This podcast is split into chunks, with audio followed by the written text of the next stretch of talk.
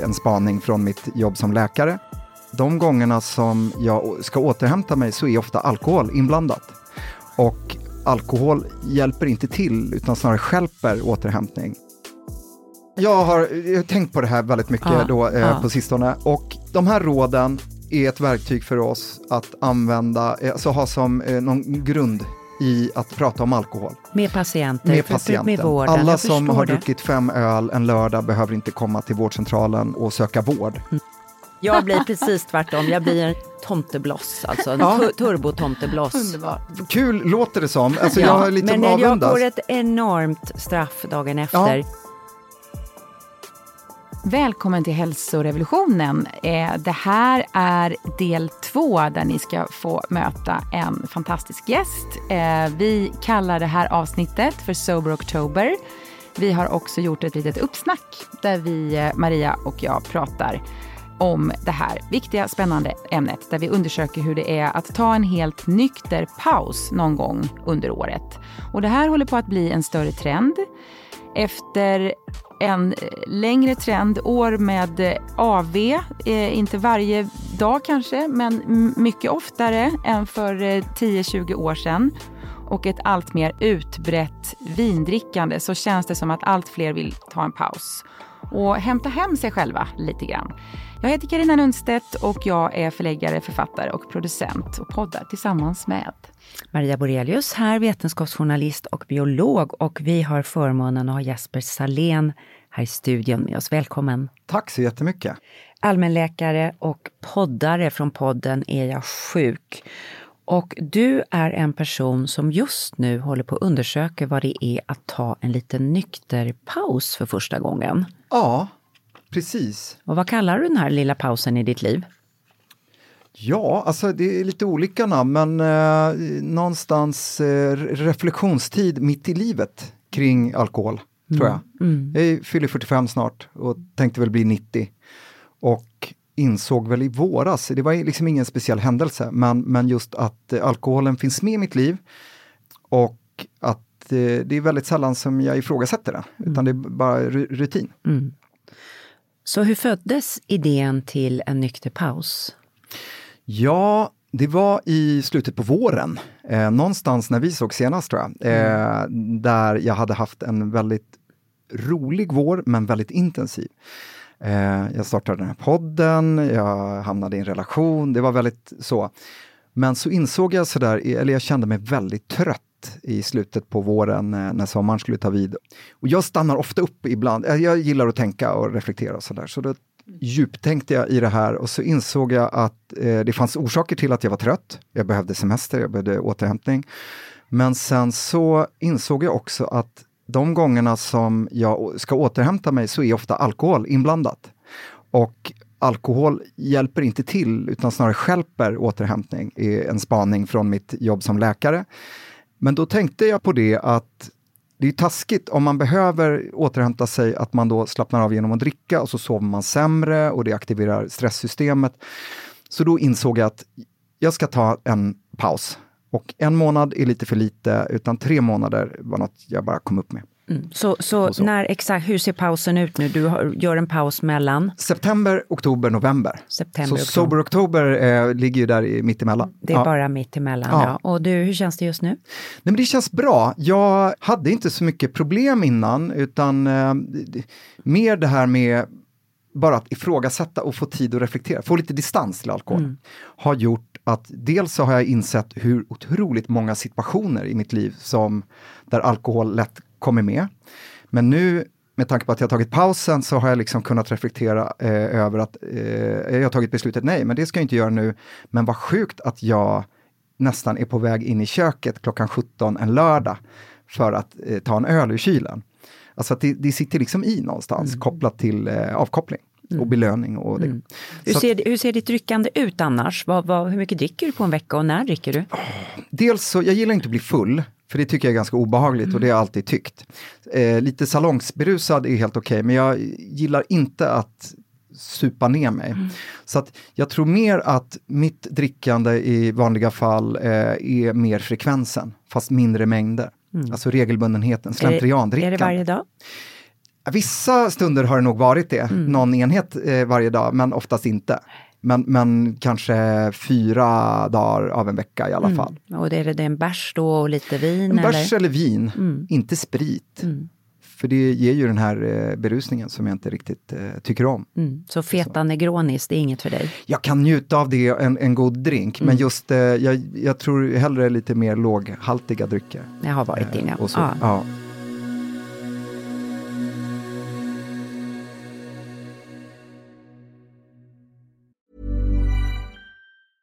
Have catch yourself eating the same flavorless dinner three days in a row? Dreaming of something better? Well, HelloFresh is your guilt-free dream come true, baby. It's me, Gigi Palmer. Let's wake up those taste buds with hot, juicy pecan-crusted chicken or garlic butter shrimp scampi. Mm. Hello Fresh.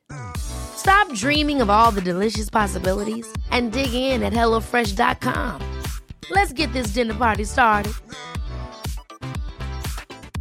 Everyone knows therapy is great for solving problems, but getting therapy has its own problems too like finding the right therapist, fitting into their schedule, and of course, the cost. Well, BetterHelp can solve those problems. It's totally online and built around your schedule. It's surprisingly affordable too. Connect with a credentialed therapist by phone, video, or online chat, all from the comfort of your home. Visit betterhelp.com to learn more and save 10% on your first month. That's BetterHelp, H E L P.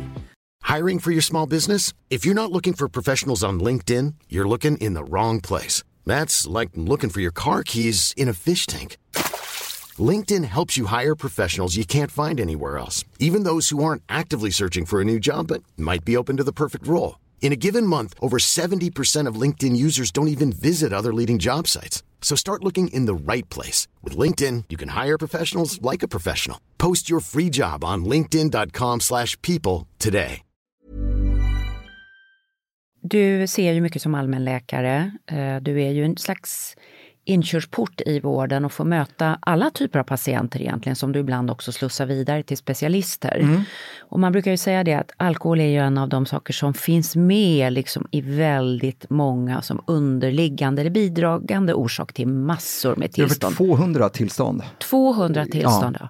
ja. Så kan du nämna några av de sakerna som dyker upp i din profession så att säga, saker som kan bidra?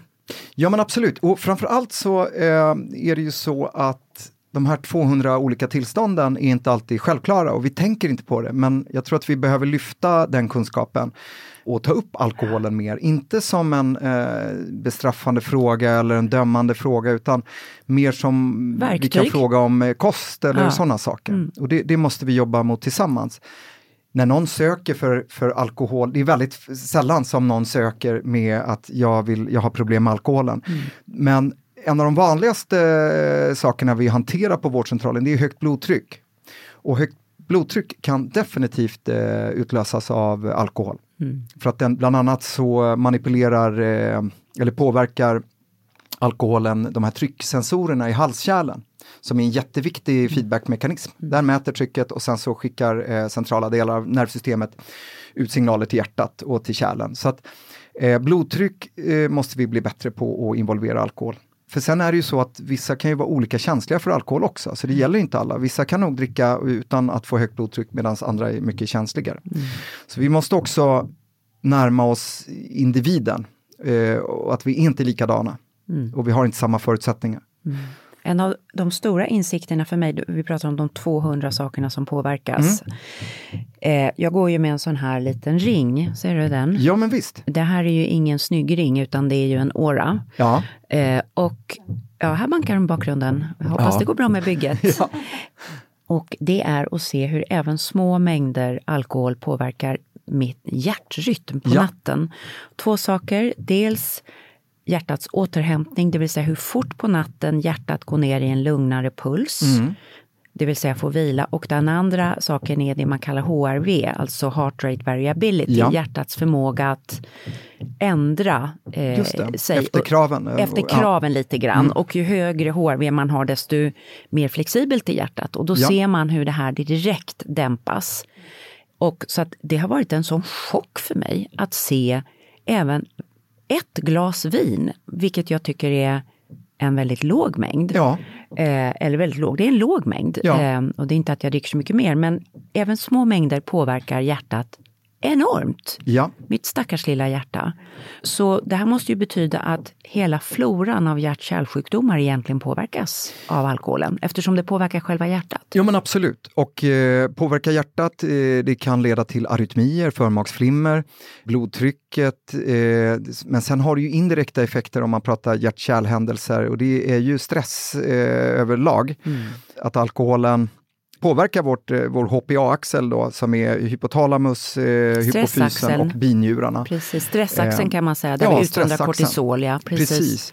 Eh, så att från flera håll. Sen apropå, jag menar, sen påverkar det ju levern och det behöver inte betyda att det tar ganska lång tid innan levern ska liksom svikta på grund av alkohol. Det är ett väldigt sent eh, skadligt bruk. Eh, men du kan ju få eh, lever, för, alltså förfettad lever och då problem med, med fettomsättningen i blodet och på så sätt också få en ökad risk för stroke och hjärtinfarkt. Så det är från flera olika håll. Läser man, eh, liksom, när man läser på lite om exakt de potentiella skadeverkningarna så undrar man ju varför eh, man någonsin ska ta ett glas till. Men jag tror att det, det är inget som man behöver tänka på hela tiden, men kan, jag tror att det är viktigt att upplysa. Nu är, nu är det ju så att vi dricker ju inte för att få ett hjärta med arytmi eller få eh, förändrade trycksensorer i halsen, utan vi dricker ju för att påverka vår hjärnkemi. Ja, Och läser man på om alkohol så det första det står är att det, att det är ett nervgift. Det är ju det som är liksom huvudtarget för den här lilla etanolmolekylen. ja, eller Eller inte huvudtarget, men det är ju, där, det är ju därför vi fortsätter med vanan. Ja, Vi tycker om den sinnesförhöjande effekt. Ska vi gå Precis. igenom vad händer i hjärnan när man, när man tar en öl eller ett glas vin som gör att vi upplever den här behagliga avslappnade känslan? Alltså i och med att alkoholen är, den är både fett, det är en molekyl, liten molekyl eh, som består av syre, eh, kol och eh, väte. C2H5 OH. Ja. Ja. Precis. Ja. Det, det betyder också att den, den diffunderar ut till alla celler i hela kroppen. Det finns ingen, det är inte som läkemedel eller vissa substanser som har en receptor som den taggar in i. Det betyder att hela kroppen påverkas och samma sak i hjärnan. Så det är inte bara eh, dopaminsystemet som påverkas utan det är alla system. Glutamat, NMDA-receptorerna som står för det är liksom aktiverande neuron i hjärnan blir hämmade, får minskad aktivitet. Det betyder att våra frontallober eh, kopplas bort lite. Mm. Och varför vilket- är det så behagligt? Därför att där har vi de här domarna som sitter och säger nej, du gör fel, nej, våga inte prata med den personen. Riskbedömningen. Precis. Konsekvens och risk och, och eventuella fobier kan ju sitta där också. Framförallt sociala fobier, tänker jag. Eh, Ja, då blir man kung i baren istället. Lite kung i baren och så. Och samtidigt så aktiverar den våra GABA-neuron, eh, vilket eh, har en lugnande effekt på oss. Om man tänker bensodiazepiner som är beroendeframkallande eh, läkemedel agerar ju på GABA-neuron. Men sen har du, du har Ja, men serotoninpåverkan. du får hela skjutsen, hela, Hela paratin, skjutsen, ja. paradiscocktailen bara flödar ut. Ja. Floff, dopamin, så motivation, självförtroende, serotoninet. Hur Ja. blir vi då? Lugna, happy? Är, ja men eh, tillfreds. Sen, tillfreds. Mm. Så, inte den här lyckoboosten, men vi är tillfreds och, och vi känner samhörighet. Noradrenalinet, pigga. bygga hos vissa, för det är nämligen så här att, att man kan dela upp det i två typer. Vissa som dricker, och jag vet vilken jag tillhör, vissa som dricker upplever en eufori, och att de blir pigga av alkohol och kör tills de dör, Nej, men tills eh, klockan är fem kanske. Medan andra eh, blir lite mer trötta av alkohol. Och jag, till, jag blir lite tröttare. Du blir sömnig. Jag blir tröttare, ja. Ja, hur blir du Karina? Ja, men det blir jag också. Jag har aldrig varit den som står och dansar sist på någon bardisk. Nej. Jag talar, ja, du vet vem jag blir. Jag blir precis tvärtom. Jag blir en tomtebloss, alltså en Ja. tu- turbotomtebloss. Underbart. Ja, ja. Vad kul låter det som. Alltså, Ja, jag är lite men när jag avundas. får ett enormt straff dagen efter. Jag gör ett gigantiskt uttag ur mitt eget signalsubstansförråd Ja. för att dagen efter vara en mycket trött människa. Ja, får du ångest också dagen efter? Alltså, eh, känner du en... mm, se, Semiångest, framförallt blir jag lite trött och seg. Ja, Eller väldigt trött och seg. jag får ju, alltså, dels blir jag trött när jag dricker, men sen Ja. kan jag även få den här ångesten efter. Så att, eh, Grattis! men det, det som är värt att nämna, det, det har att göra med hur man metaboliserar eh, alkohol. Snabbt eller långsamt. Och vi som blir lite tröttare, vi är snabba metaboliserare så att vi får den här acetaldehyden, Aha, den här är eh, produkten det som det gör beror att vi blir bakis och Mm, som också mm, då är mm. cancerframkallande, Mm. att vi får den tidigare. Mm. Men man ser att de som har en snabbare metabolism eh, löper också en mindre risk att utveckla ett beroende. Mm. Jag kan känna att i mig bor en aldrig utvecklad alkoholist. Ja. Jag, och jag har alkoholism i min familj, så därför är jag väldigt försiktig med att dricka. Eh, därför jag, jag känner på mig att det här finns genetiskt i mig själv. Jag har aldrig tagit ett test, men eh, Nej. ja, jag kan tänka det när du säger det. Ja, nej, men, Mm. och det, allt sånt här är ju bara bra att känna till. Jag har Eh, självinsikt och och, ha lite- ja. och se till att man eh, tar den här pausen och kan titta på sig själv lite utifrån. Det är därför vi tycker det är så spännande att göra det här också, och prata Ja. om, om, vår, om vår olikhet.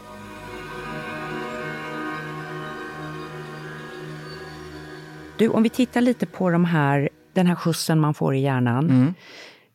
Mängder av system som aktiveras eller dämpas Mm. eh, och hela områden av hjärnan som slås ut. Vi har ju något vi kallar våra belöningssystem. Ja. Ja, Dopamin. dopaminet, precis. Så varför blir alkohol så beroendeframkallande?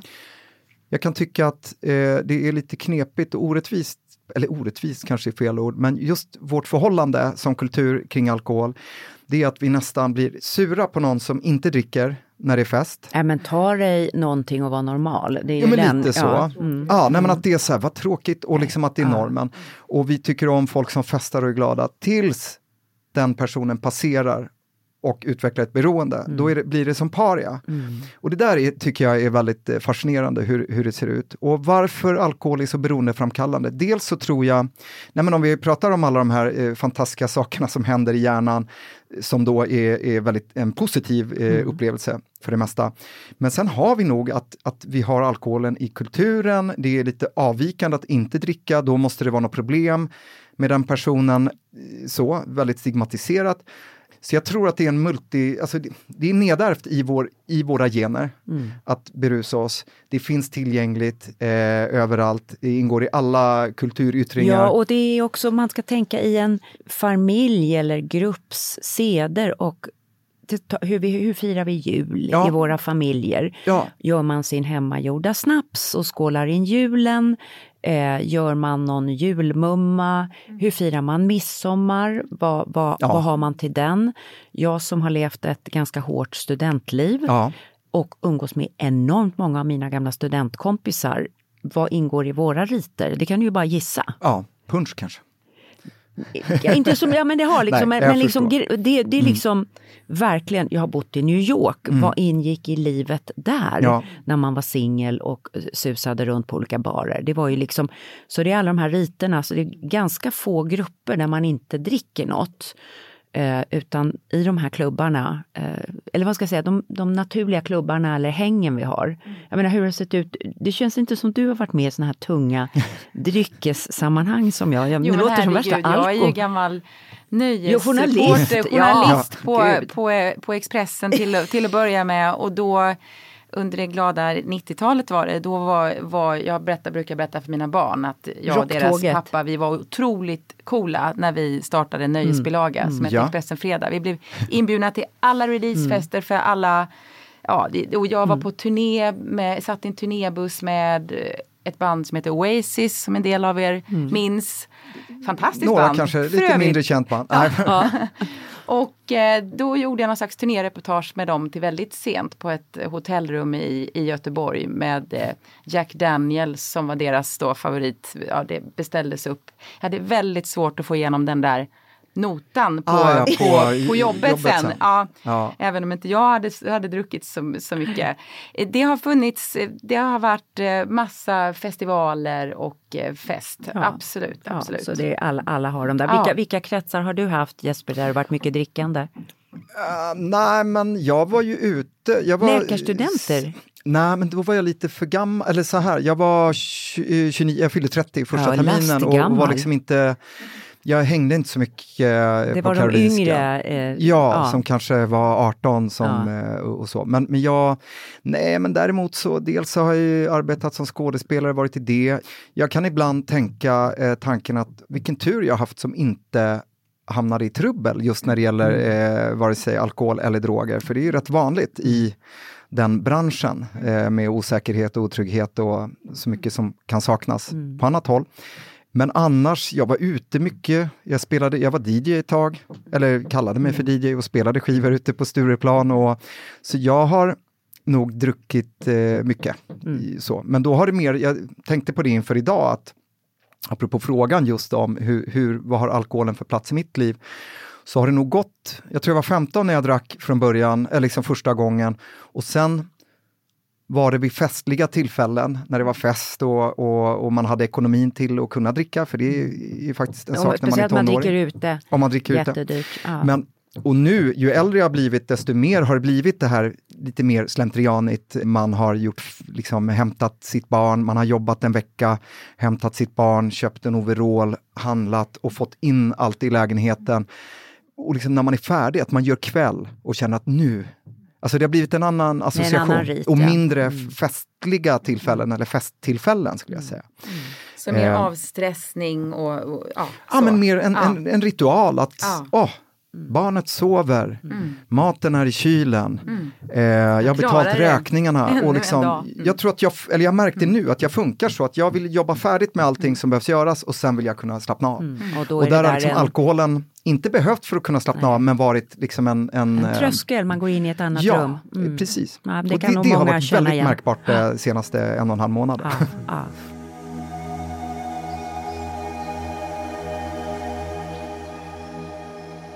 Du nämnde att vi har en stor individuell känslighet. Ni två som blir sömniga, mindre Mm. chans att bli alkisar än en sån som jag, som går in i toppspinn. Mm. Eh, vilket jag kan förstå. Jag tänkte bara vi skulle prata lite om individuell känslighet. Eh, man pratar ju om ett enzym som heter MAO, monoaminooxidas, som indikator på hur pass medfött känslig man är för alkohol.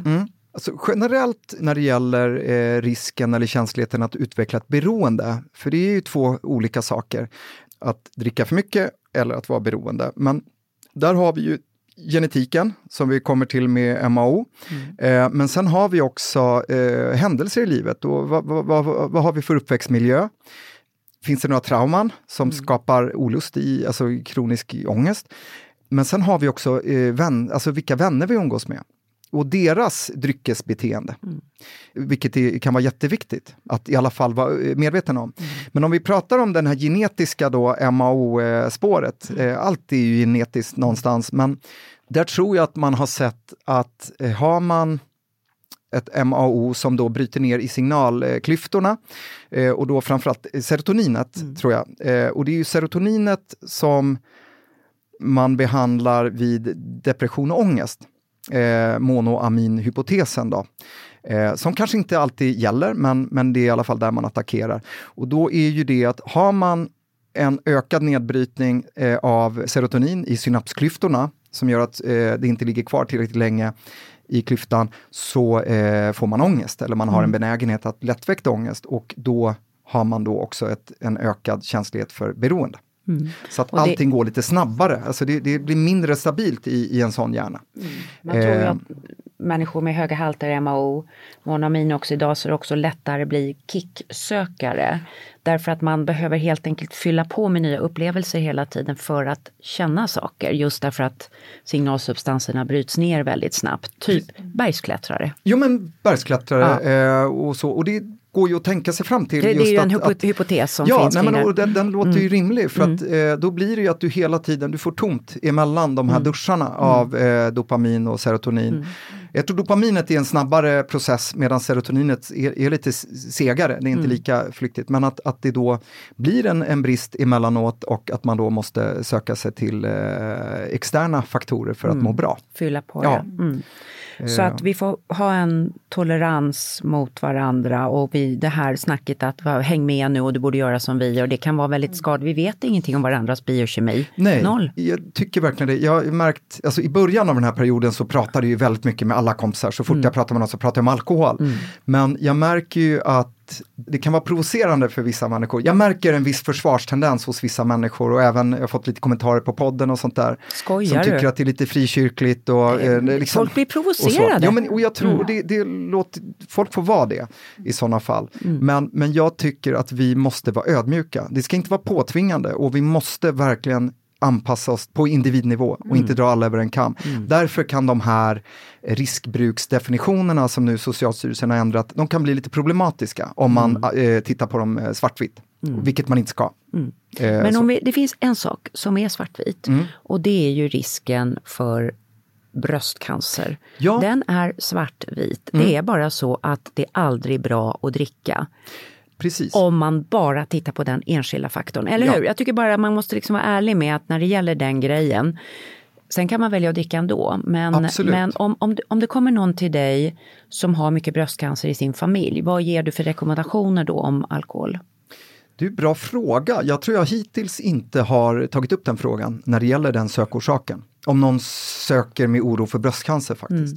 Det, Men det här är ju ganska nya eh, rön och, som kan vara väldigt ångestframkallande hos de som inte har avstått alkohol i hela sitt liv.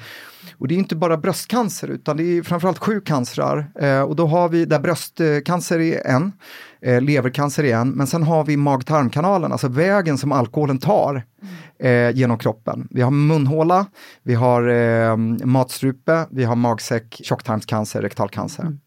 Och där har du ett linjärt samband. Det är inte, det, du kan inte säga att du har en riskfri konsumtion. Vilket gör, är det Kanada som har gått ut med noll, noll i rekommendation, noll alkohol, noll enheter per vecka och stuckit ut hakan. Och det är svårt att hantera den här typen av information. Eh, för det är mycket vi är med om i livet som är cancerframkallande, om vi tänker solning, alltså, eller bara att bli äldre. att leva Att är leva. en risk. Ja. Ja. På- Men det är viktigt att känna till i alla fall och framförallt om du har en tung hereditet för cancrar så eh, ska i alla fall informationen ut till alla så att varje individ kan ta ett eh, välinformerat beslut. Det är väl det viktigaste. Men jag tycker det här är intressant därför att är Socialstyrelsens råd till för att inte ge folk ångest? Eller är de till för att spegla ett väldigt sakligt forskningsläge? Det är ju två helt olika saker. Och, använd- och där användas i vården. Ja, För att i media har ju de här råden hanterats som att deras funktion är att inte ge människor ångest. Det kan vara så, att Mm. de ska vara till för det. Men att ge råd som är helt baserade på, på liksom det senaste uppdaterade epidemiologiska läget är ju någonting annat. Mm. ja, det är väldigt knepigt. Ja, och så Eh, vad, vad tänker du? Jag tänker att Socialstyrelsens råd är det andra. Så det handlar inte om om jag ska få ångest eller Nej. inte, utan det handlar om råd till vården Ja. att ta hand om patienter som har olika typer av utmaningar. Har jag missförstått det eller? Så här, jag tänker mig att de här råden, alltså 10 enheter i, i genomsnittlig, eh, 10 enheter, standardenheter per vecka för både män och kvinnor. Eller fyra eh, enheter vid ett och samma tillfälle. Det är rätt mycket alltså. Är, Alltså, är, det alltså, jag- tio jag- enheter på en vecka? Eller jag vet inte. Ja, men det är väl... Ja, är det, jag är det tio glas vin? Alltså jag har inte Ja, tio glas vin Ja. och då är det, ja, eller en liten starkölsburk eller fyra Mm. centiliter starksprit. Det är ganska mycket, men jag tror att många blir lite rädda när den här fy, fyra Ja, enheter vid ett ja. tillfälle. Ja, För det ja. är ju inte ovanligt. Nej, jag om tror att många snarare tycker jag tycker själv tio är mycket för en vecka, Ja. men fyra för ett tillfälle är ganska lite om det är Ja. ordentlig fest. Ja. Precis. Det beror, men det är ju ett mer skandinaviskt sätt. midsommar... Midsommar, alltså, liksom man så- håller på en hel dag med Ja. lite olika grejer och så. Jag vet inte. Jag, Ja. jag, jag Hur är har... varannan vatten? Ja, men jag varannan vatten. Men Ja. jag menar å andra sidan, jag ser då inte Socialstyrelsens roll som att lugna mig, Nej. utan att leverera solid facts baserade på forskning. Ja. Eller? Har jag fel? Jo. Nej, det jag, tror jag jag, inte. jag, har, jag har tänkt på det här väldigt mycket Ja, då, eh, ja. på sistone och de här råden är ett verktyg för oss att använda, eh, alltså ha som eh, någon grund i att prata om alkohol. Med patienter, Med patienten. med vården. Alla Jag som har det. druckit fem öl en lördag behöver inte komma till vårdcentralen och söka vård Mm. för att de har, är alkoholister. Utan det handlar om att vi har något att utgå ifrån om en patient kommer och har ångest, svårt att sova, problem med stress, irritabilitet. Precis. diarréer för den delen, för att eh, ja, som sagt det kan ge väldigt mo- mycket symptom, så har man någonting att utgå ifrån och då kan man ju kanske, om någon, om någon eh, fyller i ett sånt formulär och kommer fram till att ja, men jag dricker 15 enheter på en vecka, ja men då kan man ju börja nysta i det eh, och se. Men jag tycker inte vi ska använda det som, som något svartvitt. Och jag vet inte vad Socialstyrelsen eh, har menat med det, men jag tror att ha någon form av underlag då alkoholen kommer upp. Sen tycker jag att det är jättebra att vi blir påminda om att lyfta alkoholfrågan oftare som läkare. Aldrig påtvingat, men att erbjuda är jätteviktigt. För det har vi varit lite dåliga på. Tycker du att man som läkare får tillräcklig utbildning i den här frågan för att kunna göra det på ett bra sätt? Nej, det tycker jag nog inte. Vi lär ju oss så otroligt mycket under en begränsad tid när vi pluggar och sen så har vi liksom duschar av lite föreläsningar av olika ämnen. Men nej, jag tycker att det, det kan vi nog prata lite mer om faktiskt. Och framför allt när det gäller, vem vill inte minska risken för cancer eller vem vill inte hjälpa en patient som har diarréer varje dag? Alltså så. Självklart. Men, men jag tror att hittills så har det nog varit att det är en jobbig sak att ta upp. Eh, det är läskigt att fråga och man tänker att det kan vara läskigt för en patient att svara. Alltså det är lite så stigmatiserat.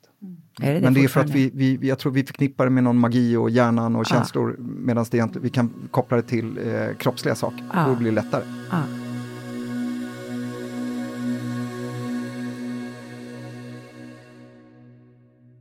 Så vilka vinster har du nu, där du är just nu, av eh, the non-drinking? Ja, alltså jag sover bättre. Det måste jag säga att jag märker en skillnad. Jag känner mig piggare på morgnarna. Framförallt eh, lördagmorgnar då jag brukar snusa in och tycka att det är väldigt jobbigt att gå upp. Eh, så känner jag mig piggare. En period kändes det som att jag tänkte snabbare. Men det vet jag inte om det var något annat. Men att det var liksom svårt att, eh, jag var tvungen att bestämma mig för vilka tankar jag skulle tänka färdigt och, och så. Men det var ju reflektion du hade önskat dig. Så då, Ja, nej, men då, jag älskar då ju att fick tänka. du det. Ja. Jo, men verkligen. Men, men sen så, den stora vinsten är nog att eh, jag är mer medveten om eh, mina egna vanor. Självreflektion alltså. Självreflektionen. Och det hoppas jag att det kommer sitta kvar sen också. Att det inte bara ska gå på slentrian utan Precis, du ska kunna inte- titta på det här. ja.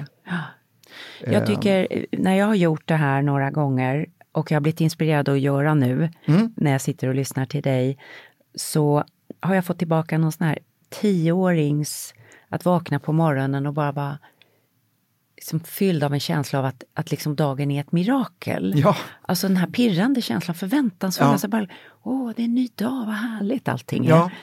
Nej, men- Kan du känna så här barnglädje? Ja, jag kanske, eh, jo, men, men det- ingår väl lite i att vara Piggare, för mig då lite det. piggare. Mm. Att det inte är så jobbigt att gå upp på morgonen utan ta dagen lite lättare och ja, men, kanske inte den här pirrande, det låter ju Nej. fantastiskt. Ja. Men, just att, kommer eh, nej men du går upp. Ja. Så är det med det. Och Ja. att allt, ja, den här lågradiga bakfyllan Mm. kanske som har suttit i, alltså väldigt låggradig men ändå, man blir inte snabbare i tanken med ålder utan Nej. ja, man har sämre marginaler och Ja, sådär. Så att, ja. Jag brukar tänka så här att det finns ju något ute i universum som heter kosmisk bakgrundsstrålning Ja. som är så här minne av Big Bang. Ja. Tre grader Kelvin som bara ligger och puttrar. Och jag tänker när man dricker så har man så kosmisk alkostrålning Ja. som ligger bara som ett minne länge efter och så blir man av med det. Det är som en liten mikrodimma som bara liksom så här tjoff, hej då. Nej men jag tror det. Kan det vara så? Det kan nog vara så. Och de säger det, att jag valde tre månader också. För att det var faktiskt på midsommar, jag satt med mina poddkollegor Nisse och Emily och skulle ut med bil. Och då sa jag det, hörni, vet ni vad jag kommer på? Och det var verkligen inte meningen och det här skulle jag göra för mig själv. Eh, men då sa jag tre månader och de sa direkt, vi är med. Okej, men då frågade de varför tre månader och så kunde jag liksom inte komma på det. Nej. Men, och jag frågade någon föreläsare på ämnet sådär, du, jag, jag har tänkt så här, känner du till? Nej, jag vet inte, utan eh, alltså jag Ja. fick liksom inte, jag vet inte var jag fick det ifrån. Men sen, för inte så länge sedan så skrev eh, Sven Andreasson i eh, Svenskan, eller det var en rubrik som jag möttes av, det, och det var verkligen för två veckor sedan tror jag, där det stod att en alkoholfri månad räcker inte. Just och då var jag så här, klick, och sen så eh, ja, lä, läste jag den artikeln. Och då var det från honom, från en gammal föreläsning som jag hade fått ifrån för många år sedan. Och det är framförallt vid ett beroende Eh, men det borde ju kunna appliceras på slentriandrickande eller vad det nu än är. Men att det tar längre tid för hjärnan att bli kvitt den här dimman då, än en månad. Den En kosmiska månad, alkostrålningen. den kosmiska alkoholstrålningen. alkostrålningen som Ja. ligger och puttrar i, i hjärnan. Ja. Ja. Men apropå, får jag säga en sak som jag har fått lära mig av en duktig alkoholterapeut som jag varit i kontakt med. Jag har inte gått till henne, men vi, vi har pratat, jag behövde lite fakta. Och hon varnade faktiskt för det här med vita perioder. Hos någon som har ett beroendesyndrom, som redan är beroende, så ska man vara försiktig med att rekommendera vita perioder. Och det är för att en vit månad kan de flesta få till. Problemet är efteråt att har du ett beroende och har tagit en vit månad, då kan du tänka att det är lugnt, jag har kontroll. Och att det inte är ett problem längre, vilket inte är fallet oftast. Men sen också att du har en risk för ett ökat alkoholintag efter en sån period i någon form av belöning, att nu har jag varit så duktig en månad. Allt det här är ju en kapad hjärna, så det är inte individen som har dålig eh, tankeförmåga i övrigt, utan det är ju sjukdomen. Så att man ska vara lite försiktig med vita månader också, om man upplever att man har ett beroende, då är det bättre att söka specialisthjälp eller eh, att man får hjälp med det här. Ja. Ja. Och, vad, och vad är det för tecken man ska vara vaksam på som signalerar för en att jag börjar nog utveckla ett alkoholberoende och var kan man hitta den här hjälpen? Ja, vi pratar ju om, om riskbruk och då är det ju kvantitet och väldigt svartvitt och, och svårt att förstå. Men det jag tycker är mycket viktigare, det är faktiskt frågor som finns på ett screeningformulär som heter Audit, som är ett screeningformulär där eh, också en fingervisning i mötet med en patient. Och då finns det frågor som jag, jag tycker är spot on. Och de följer så här. Upplever du att du inte kan hejda dig från att dricka mer om du väl börjat dricka? Bortprioriterar du saker i livet på grund av alkohol, både i stunden men även på bakfyllan? Nu har jag skrivit om frågan, det står inte bakfyllan i formuläret ska jag säga. Tar du dig en återställare för att må bättre dagen efter alkoholintag? Känner du skuldkänslor kopplat till ditt drickande? Har du eller någon annan blivit skadad på grund av ditt drickande? Och det kan ju vara både fysiskt, elsparkcykelolycka eh, på fyllan, eller psykiskt, att man har sagt åt, sårat någon ordentligt och har skuldkänslor dagen efter. Har någon du känner eller någon inom vården uttryckt oro för ditt drickande? Så att det är ju det där, eh, och sen kan man lägga till brutna löften. Om du har sagt nej, den här, den här veckan ska jag inte dricka något och sen sitter du ändå med ett glas vin på onsdagen. Det är ett ganska dåligt tecken. Eller då, då finns det problem. För att, att bryta löften mot sig själv är jättedåligt för vår självkänsla. Vi måste kunna hålla våra egna löften. Så att jag tror att de här frågorna är en bra sak, men jag tror att man får känna efter själv. Och jag tror att man, känner, jag tror att man vet själv. Om man och var bara ska, vågar var ska man öppna. gå då om man tycker att man fick eh, ett jakande svar på allt för många av de här frågorna? Var, var ska man först gå till en allmänläkare och sen bli hänvisad till en specialist eller var kan man hitta stöd? Alltså, vi inom primärvården ska ju kunna hantera det här. Ja. Så att antingen, man är alltid välkommen till oss på vårdcentralerna, Mm. hälsocentralerna. Har man frågor eller funderingar, har jag problem? För det kan ju faktiskt Mm. vara en fråga man ställer sig. Eh, då kan man höra av sig till alkohollinjen. Som, där, man som anhörig, eh, vårdpersonal, alltså vem som helst kan höra av sig och fråga om alkohol. Men också om man, om man är orolig för sig själv. Och där kan man då bli hänvisad eller tipsad eller få, få hjälp. Så alkohollinjen.se är en sån här bra eh, webbadress att komma ihåg. Eh, och sen kan man också söka sig till eh, beroendemottagningarna. Eh, det kan man, man behöver ingen remiss där inte. Utan hjälpen finns, men det gäller att man vågar, eh, vågar ta den. Och, och också insikten att bara för att jag lyfter frågan betyder inte att, att jag har ett beroende och det betyder inte, det betyder inte så mycket. Man bestämmer helt själv hur, hur man vill göra. Men hjälpen finns och man måste vara välinformerad. Det är väl det viktigaste, tycker jag. Jesper Salén, varmt tack för att du ville komma till oss. Mm. Lycka till. Du har inspirerat mig att ta, jag har haft vita perioder förut. Jag har tyckt väldigt mycket om resultaten. Intressant nog har jag känt att när jag kommit ur dem har jag varit väldigt osugen på att dricka. Jag har nästan fått tvinga mig själv för att Ja. det liksom var socialt trevligt. Ja, Så att därför man börjar känna, fan vad surt det är och liksom, det var inte speciellt gott det här. nej. så att man, man omkalibrerar också mängden man dricker. Så har det varit för mig i alla fall, men det finns ju säkert många olika Men lite som när man in, inte äter så mycket socker. Ja, eller så hur? börjar man, så så man sugen gud på vad sött det här var. Ja. Och, eh, så man liksom hamnar i en annan loop, en lite lugnare gick- alkoholloop. gick på sån ketos i en månad Mm. och då var jag utan alkohol och så självklart. Eh, jag skulle träna inför en sak och alltså min pizzakonsumtion har gått ner med så här 80 procent.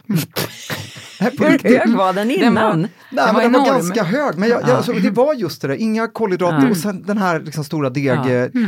Så, så jag tror att det, det kanske är samma Ja. mekanism. Sen tvingar jag mig inte in en pizza för att jag känner att det finns inget eh, Socialt tvång. nej, nej, nej. Att vara en Men pizza.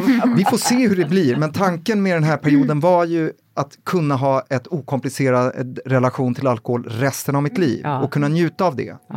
Eh, Men vi får Väldigt se bra. hur det blir. Ja. Ambition. Ja. Ja, mycket spännande. Supertack Jesper, underbart att att ha med komma. dig.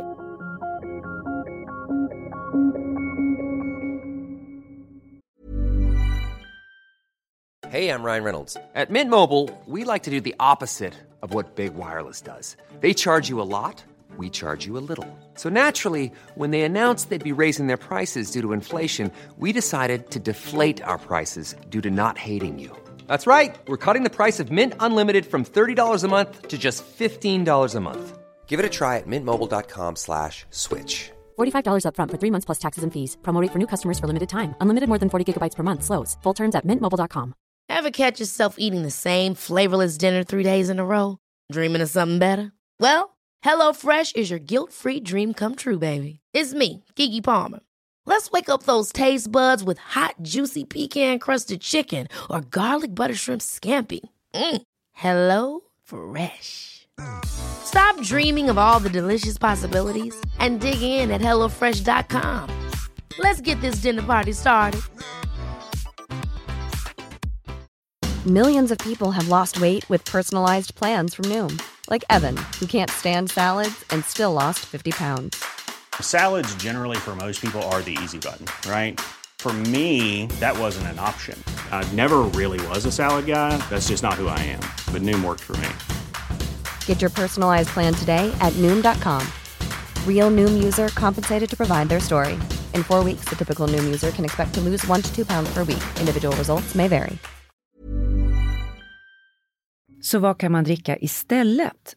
Ja, jag tycker att alkoholfria alternativ ofta blir fulla av socker, som till exempel äppeljuice eller någon mocktail. Så här är några alternativ. Om man tar ett glas bubbelvatten med is och citron så ser det ut som en gin och tonic. Inga frågor, härligt. Eller så gör jag en Virgin Mary. Tomatjuice med is och citronskivor. Vrid några tag på pepparkvarnen och gärna lite Worcestersås. Och sen en selleristjälk i som blir både drinkvisp och ett liten hälsoboost. Så veckans växt och krydda i det här fallet blir selleri.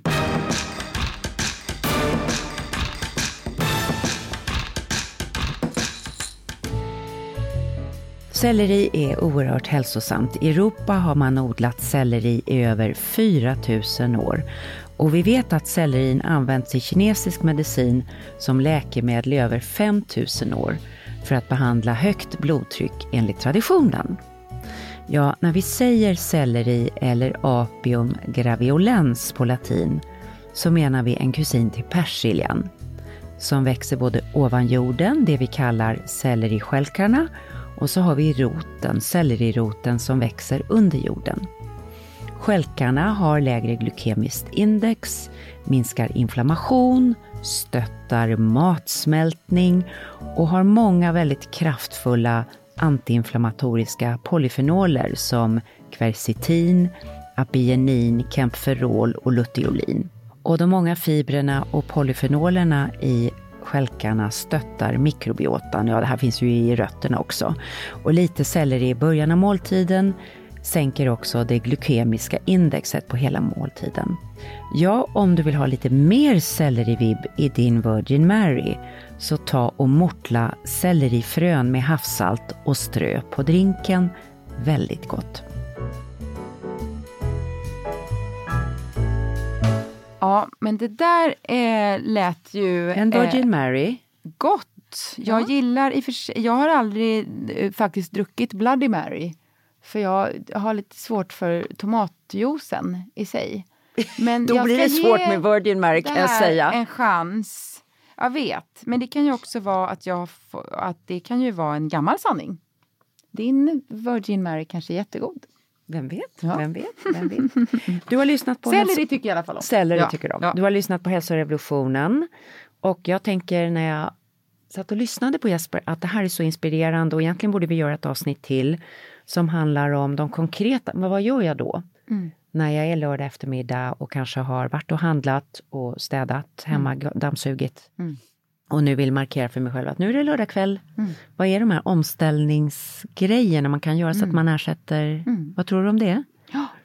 Man kan gå ut och gå en promenad. Man Ja, kan mysa till meditera, det mysa till det. Mm. Ta en dusch, klä Ja. om sig i några andra Ja. kläder, Mm. tvätta håret. Göra det finns te. ju många som gör lite varmt te Mm. med lite honung. Gud vad gott. Mm. Ja, Ett bad. ett Mm. bad. Mm. Ja. Ja, nej men jättespännande eh, avsnitt. Det är så roligt att eh, vi gör den här podden och så lär vi oss själva så mycket. Och förhoppningsvis ni som lyssnar också. Och vill ni hitta oss eh, eh, där ute så får ni gärna eh, följa oss på Instagram där vi heter halsrevolutionen understreck podcast.